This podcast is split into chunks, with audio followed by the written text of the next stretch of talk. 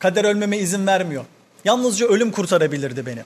Oysa işkencelerimin sonu yok. Zeus tahtından düşmedikçe diyor Prometheus. Ve Zeus'a olan kinini, öfkesini bu metinlerde dile getiriyor.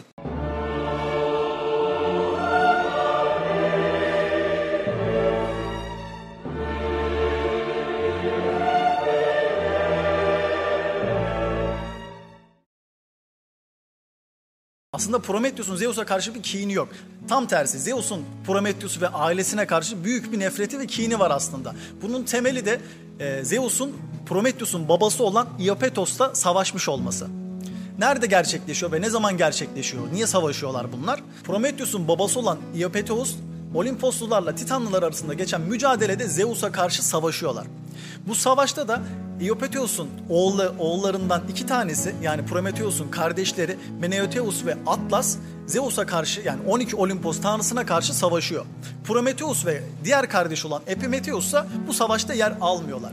Savaşmamalarının nedeni de Prometheus'un isminden kaynaklanıyor aslında. Prometheus'un ismi e, önceden bilen, e, önceden akıl yürüten anlamına geliyor. Ve aslında ileride gelecekte ne olduğunu bilen e, kahin bir titan aslında kendisi. Bu yüzden savaşı Zeus'ların kazanacağını zaten biliyor ve gidip savaş esnasında diğer titanları ve babasını uyarıyor. E, savaşmayın zaten e, savaşı Zeus kazanacak diye bilgece bir e, girişimde bulunuyor. Tabii ki kabul edilmiyor böyle bir girişim. Ancak diğer kardeşi Epimetheus onun ismi de sonradan düşünen, sonradan akla gelen olduğu için muhtemelen o da savaşa katılmayı aklına getirmiyor ve savaşa o da katılmıyor kardeşiyle beraber. Bu iki kardeş savaşa katılmadıkları için Zeus'un hışmından da kurtuluyorlar aslında. Ama savaşa katılan babası ve diğer iki kardeşi savaş kaybedildikten sonra büyük bir cezaya çarptırılıyorlar. Savaşı kazanan Olimposlular ve Zeus bütün titanları Tartaros'a sürüyor. Yani Tartaros dediğimizde e, Hades'in en alt katmanı yani cehennemin en dibindeki geniş sonsuz uçuruma atılıyorlar. Bütün titanları oraya gönderiyor Zeus. Ve Iopetos ailesine de aslında özel bir ceza veriyor. Meneuteus'a yani diğer kardeşlerine yıldırımları çarparak sonsuz e, uçuruma yolluyor. Diğer hepimizin bildiği Atlas'a ise bütün gök kubbeyi taşıması için cezalandırıyor ve Atlas sonsuza kadar bütün gök kubbeyi sırtında taşıyor. Bir ara Herkül geliyor ondan yükü alsa da e, yine de yükü sonsuza kadar taşımaya devam ediyor Atlas. E peki bu iki kardeş cezalandırılmıyor. Prometheus ve Epimetheus bu savaştan cezasız kurtuluyorlar. Ve savaş bittikten sonra Zeus yeni insan, yeni canlı neslinin yaratılmasını istiyor ve bu kardeşlere görev veriyor. Epimetheus'a hayvanları yaratması için görev veriyor ve Prometheus'a diyor ki sen de insanı yarat. Prometheus savaştan sonra aldığı toprak ve kil parçalarıyla insanı yaratıyor. Aslında erkeği yaratıyor da diyebiliriz. Kadın nesli henüz dünyada yok aslında. Prometheus'un çamurdan, kilden yarattığı ilk insan neslinin Athena gelip canlandırıyor ve e, insan nesli bu şekilde başlamış oluyor. Kardeşi Epimetheus ise hayvan neslini yaratıyor ve hayvan nesli ve insan nesli bu şekilde canlılar olarak dünyada var olmaya başlıyorlar. E, ama burada şöyle bir sıkıntı var. Tanrılar Epimetheus ve Prometheus'a özellikleri veriyorlar. Diyorlar ki bütün canlılara dağıtmanız için size özellik veriyoruz. Bunları canlılara eşit bir şekilde dağıtın diyorlar. Prometheus da bu dağıtma işini gidiyor sonradan akleden kardeşine bırakıyor. Ancak daha sonra geldiğinde e, insanı görüyor ve diyor ki niye insana özellik vermedin diyor. Epimetheus da tabii ki özelliği isminin de anlamı gereği sonradan aklına geliyor ve bütün özellikleri diğer canlılara hayvanlara dağıttığının farkına varıyor. İşte hızlı koşmayı bir hayvana veriyor, denizin altında yüzmeyi, kalın kürklü olmayı, kalın derili olmayı bütün özellikleri hayvanlara yüklediği için Epimetheus e, insana bir özellik yüklemeyi aklına getiremiyor ve sonradan aklına varıyor. Hiçbir özellik kalmıyor insana verecek. Prometheus da insanın bu aciz halini gördüğü için ona yardım etmek istiyor. Çünkü yarattığı e, diğer canlılardan ayrı olarak tek üstün varlık insan. Ama bu da e, korumasız olarak o yaşamı devam ettirmeye çalışıyor. Ya soğuğa karşı direnemiyor, bir şey inşa edemiyor, savunmasız, güçsüz kalıyor. Yeterli gücü yok hayvanlara karşı ve gittikçe ölmeye başlıyor aslında. Prometheus da buna karşı insanları daha ayakta dinç tutabilmek için Helios'tan, güneş tanrısından ateşi alıyor. Çalmıyor, ilk önce çalmıyor. Helios'tan ateşi alıp insanlara veriyor ve insanlar e, medeniyetin ilk ışıklarını orada yeşertmeye başlıyorlar aslında. Mağaraya sığınıyorlar. İlk medeniyetin kıvılcımları orada ateşlenmeye başlıyor ve hayvanlara karşı da kendilerini savunabilecek mekanizmaları geliştirmeye başlıyorlar.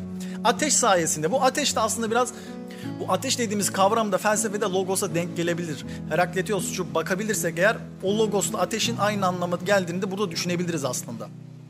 E peki e, Prometheus bu insanları bu şekilde yükselttikten sonra insanlar bir aşamaya geldikleri zaman artık tanrılara kurban vermesi gerekiyor bu insanların.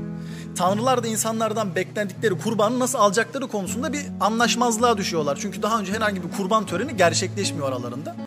E, Zeus da Prometheus bu sorunu çözmek için buluşuyorlar. Prometheus diyor ki bu kurban ritüelini şöyle gerçekleştirelim o zaman. Bir boğayı ortadan ikiye bölüyor Prometheus. E, Tanrı'nın seçici yani Zeus'un seçeceği taraf insanların bundan sonra tanrılara adak olarak sunacağı taraf tamam mı? E, Prometheus boğayı ortadan ikiye bölüyor ama bütün etli kısımlarını e, bir bölgeye ayırıyor ve derinin içine saklıyor. Diğer etsiz kalan derinin içine ise bütün işte sakatatları, kemikleri falan da o derinin içine koyuyor ve onu gittikçe şişiriyor.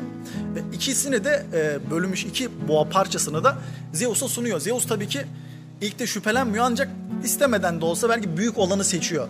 Yenik düşüyor nefsine orada. Bilgeliğinden taviz vererek büyük parçayı seçiyor ve deriyi kaldırdığı zaman altında hiç et olmadığını tamamen sakatatlarla, kemiklerle bezenmiş bir yığın görüyor ve buna karşı sinirleniyor. Aldatıldığının farkına varıyor Prometheus tarafından. Burada da antik Yunan'da ilk kurban geleneği bu şekilde başlıyor ve bundan sonra e, Truva Savaşı dahil olmak üzere antik Yunan geleneğinin hepsinde et yendikten sonra kemikler tanrılara sunak olarak yakılmaya başlanıyor ve bu gelenek böyle devam ediyor. Zeus verdiği sözü bozmuyor.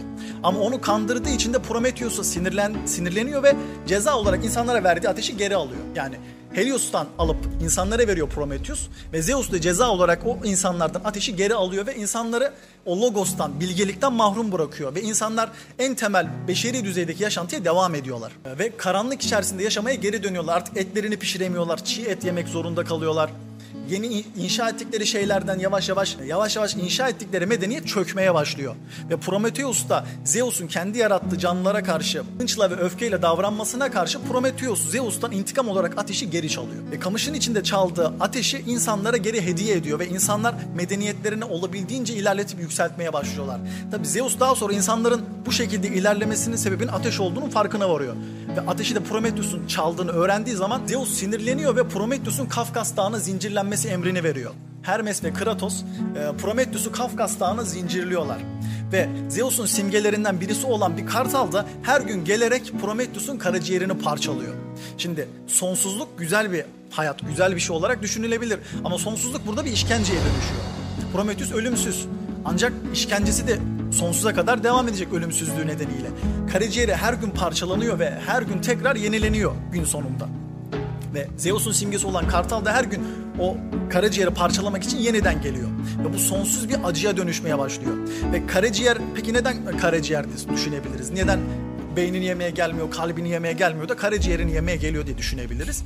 E, o dönemde antik Yunan'da ruhun e, düşünce merkezi olarak, geleceği düşünme merkezi olarak karaciğer düşünülüyordu. Yani ruhun bölgelerin organlara indirgendiği zaman e, o bölge haz, nefis kısımları, safra kısımlarına denk geliyor. Platon'da da bunu görebiliriz.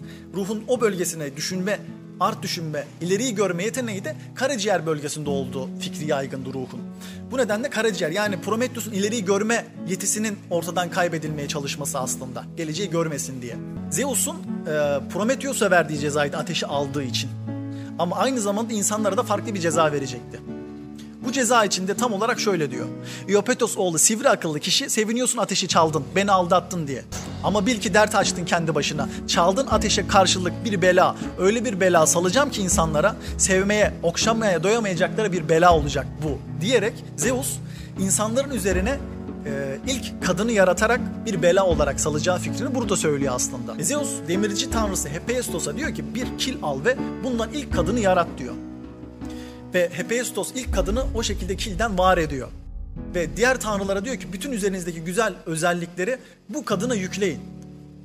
Bütün tanrılar güzel eşyalarını, e, takılarını, tokalarını, özelliklerini, giysilerini bu kadının üzerine veriyorlar. Ve ismi Pandora oluyor bu kadının. Yani tüm hediyeler anlamına gelen Pandora, tanrıların ona verdiği bütün hediyeler anlamına geliyor aslında. Ve bu şekilde de ilk kadın yaratılmış oluyor.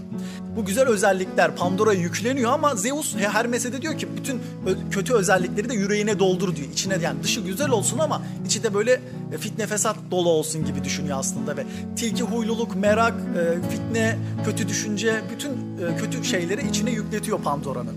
Ve bu şekilde de onu Zeus Epimetheus'a Prometheus'un kardeşine hediye olarak gönderecek.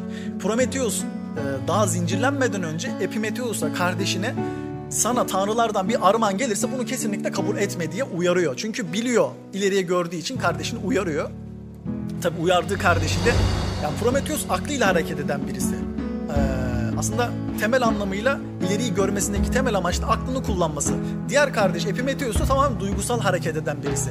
Yani günlük hayatta da aceleyle duygusal yaptığımız işlerden daha sonra aklımıza gelmez, pişman oluruz, keşke yapma, sonradan düşünürüz, sonradan farkına varırız kısmını Epimetheus gerçekleştiriyor aslında burada. O yüzden Epimetheus, Prometheus'un tanrılardan hediye alma uyarısını unutuyor. Hermes Pandora'yı Zeus'un emriyle onun yanına getiriyor ve bu anı da Alman ressam Hermann Julius Schlosser 1878 yılında Prometheus ve Epimetheus'tan önce Pandora isimli tablosuyla tam olarak anlatıyor aslında. Tablonun ortasında ve arka kısımda şapkasından tanıdığımız Hermes'i görüyoruz arka kısımda olan biteni zevkle izliyor gibi. Pandora'yı yeni getirmiş Epimetheus'un yanına. Epimetheus ise Pandora'yı görür görmez aşık olmuş ve aslında o da, bu da onun tamamen duygularıyla hareket eden bir insan olduğunu bize gösteriyor. Ve fark ettiyseniz sakalları yok. Prometheus ise sakallı yani bilgi olarak tasvir edilmiş ve Prometheus Epimetheus'u orada Pandora'ya karşı engeller kısımda. Burada aslında akıl ve duygunun tamamen birbiriyle nasıl zıtlaştığını görüyoruz da diyebiliriz aslında. Pandora ise tamamen Epimetheus'a odaklı bir şekilde onun için yaratılmışçasına ona odaklanmış ve elinde hediye olarak da o meşhur kutuyu tutuyor. Ta ki başlarına gelecek bütün olaylardan, kötülüklerden habersizcesine aşık olmuş bir şekilde birbirlerine bakıyorlar. Prometheus tedirgin bir şekilde yüzüne de bakmaksızın Epimetheus'u ondan uzak tutmaya çalışıyor. Ama ne yazık ki bunu engelleyemeyecek. Çünkü aşkın önünde mantık ve akıl ne yazık ki iş görmüyor. Ve bunun sonunda kazanan akıl olmuyor. Bunun sonunda kazanan duygu oluyor. Prometheus ne yazık ki istese de engel olamıyor. Tabloda gösterildiği gibi istese orada da olsaydı aslında gerçekte de buna engel olamayacaktı. Ve Epimetheus'la Pandora evleniyorlar. Epimetheus de Pandora'nın birleşiminden çok mutlu ve güzel bir evlilik çıkacağı fikriyle beraber ilerleseler de ne yazık ki Pandora Zeus'un ona hediye ettiği kavanozu merak içerisinde açmayı birkaç kere çalışıyor. Ee, Epimetheus da açmaya çalışıyor aslında bu kutuyu ancak vazgeçiyorlar. Ama içinde merak yani bütün kötü özellikler içine doldurulmuş olan Pandora ki bu kötü özelliklerden birisi de merak aslında bir gün dayanamıyor ve bu kutuyu açıyor. Ee, Pandora'nın ilk günahı yani merakından dolayı işlediği ilk günahla bütün kötülükler dünyaya yayılmaya başlıyor. Ee, hani Havva'nın elmayı meraktan dolayı koparması gibi aslında. Burada birebir örtüşüyor hikaye. Ve bu nedenle kavanozu açar açmaz bütün kötülükler evrene yayılıyor. Daha önce dünyada olmayan salgın hastalıklar, felaketler, bütün kötü olabilecek her şey evrene yayılıyor ki evrende herhangi bir kötülük bulunmaksızınken bunu yapılıyor. Ve Pandora bunun şaşkınlığı içerisinde son anda kutuyu kapatıyor. Ancak Pandora son anda kavanozu kapatsa da bütün kötülükler artık yayılmıştı. Ve insanların mücadele edeceği tek şey olan umutsa kavanozu son anda kapattığı için kutunun içerisinde kalıyor. Ve bu umudu da oraya koyan kimi kaynaklarda Prometheus olarak da geçiyor. Zincirlenmiş Prometheus isimli eserde Prometheus insanlara kör umutlar verdiğini söylüyor.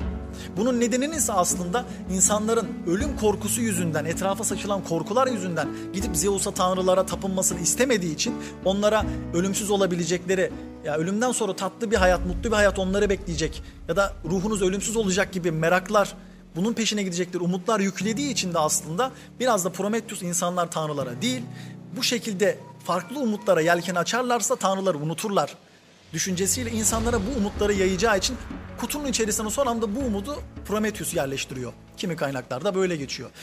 Ve sonuna kadar insanların mücadele edecekleri hastalıklardan, felaketlerden kurtulmak için, yaşama tutunmak için yegane gayeleri olan umutsa kutunun içerisinde her zaman için ulaşılmalı bekliyor olacak.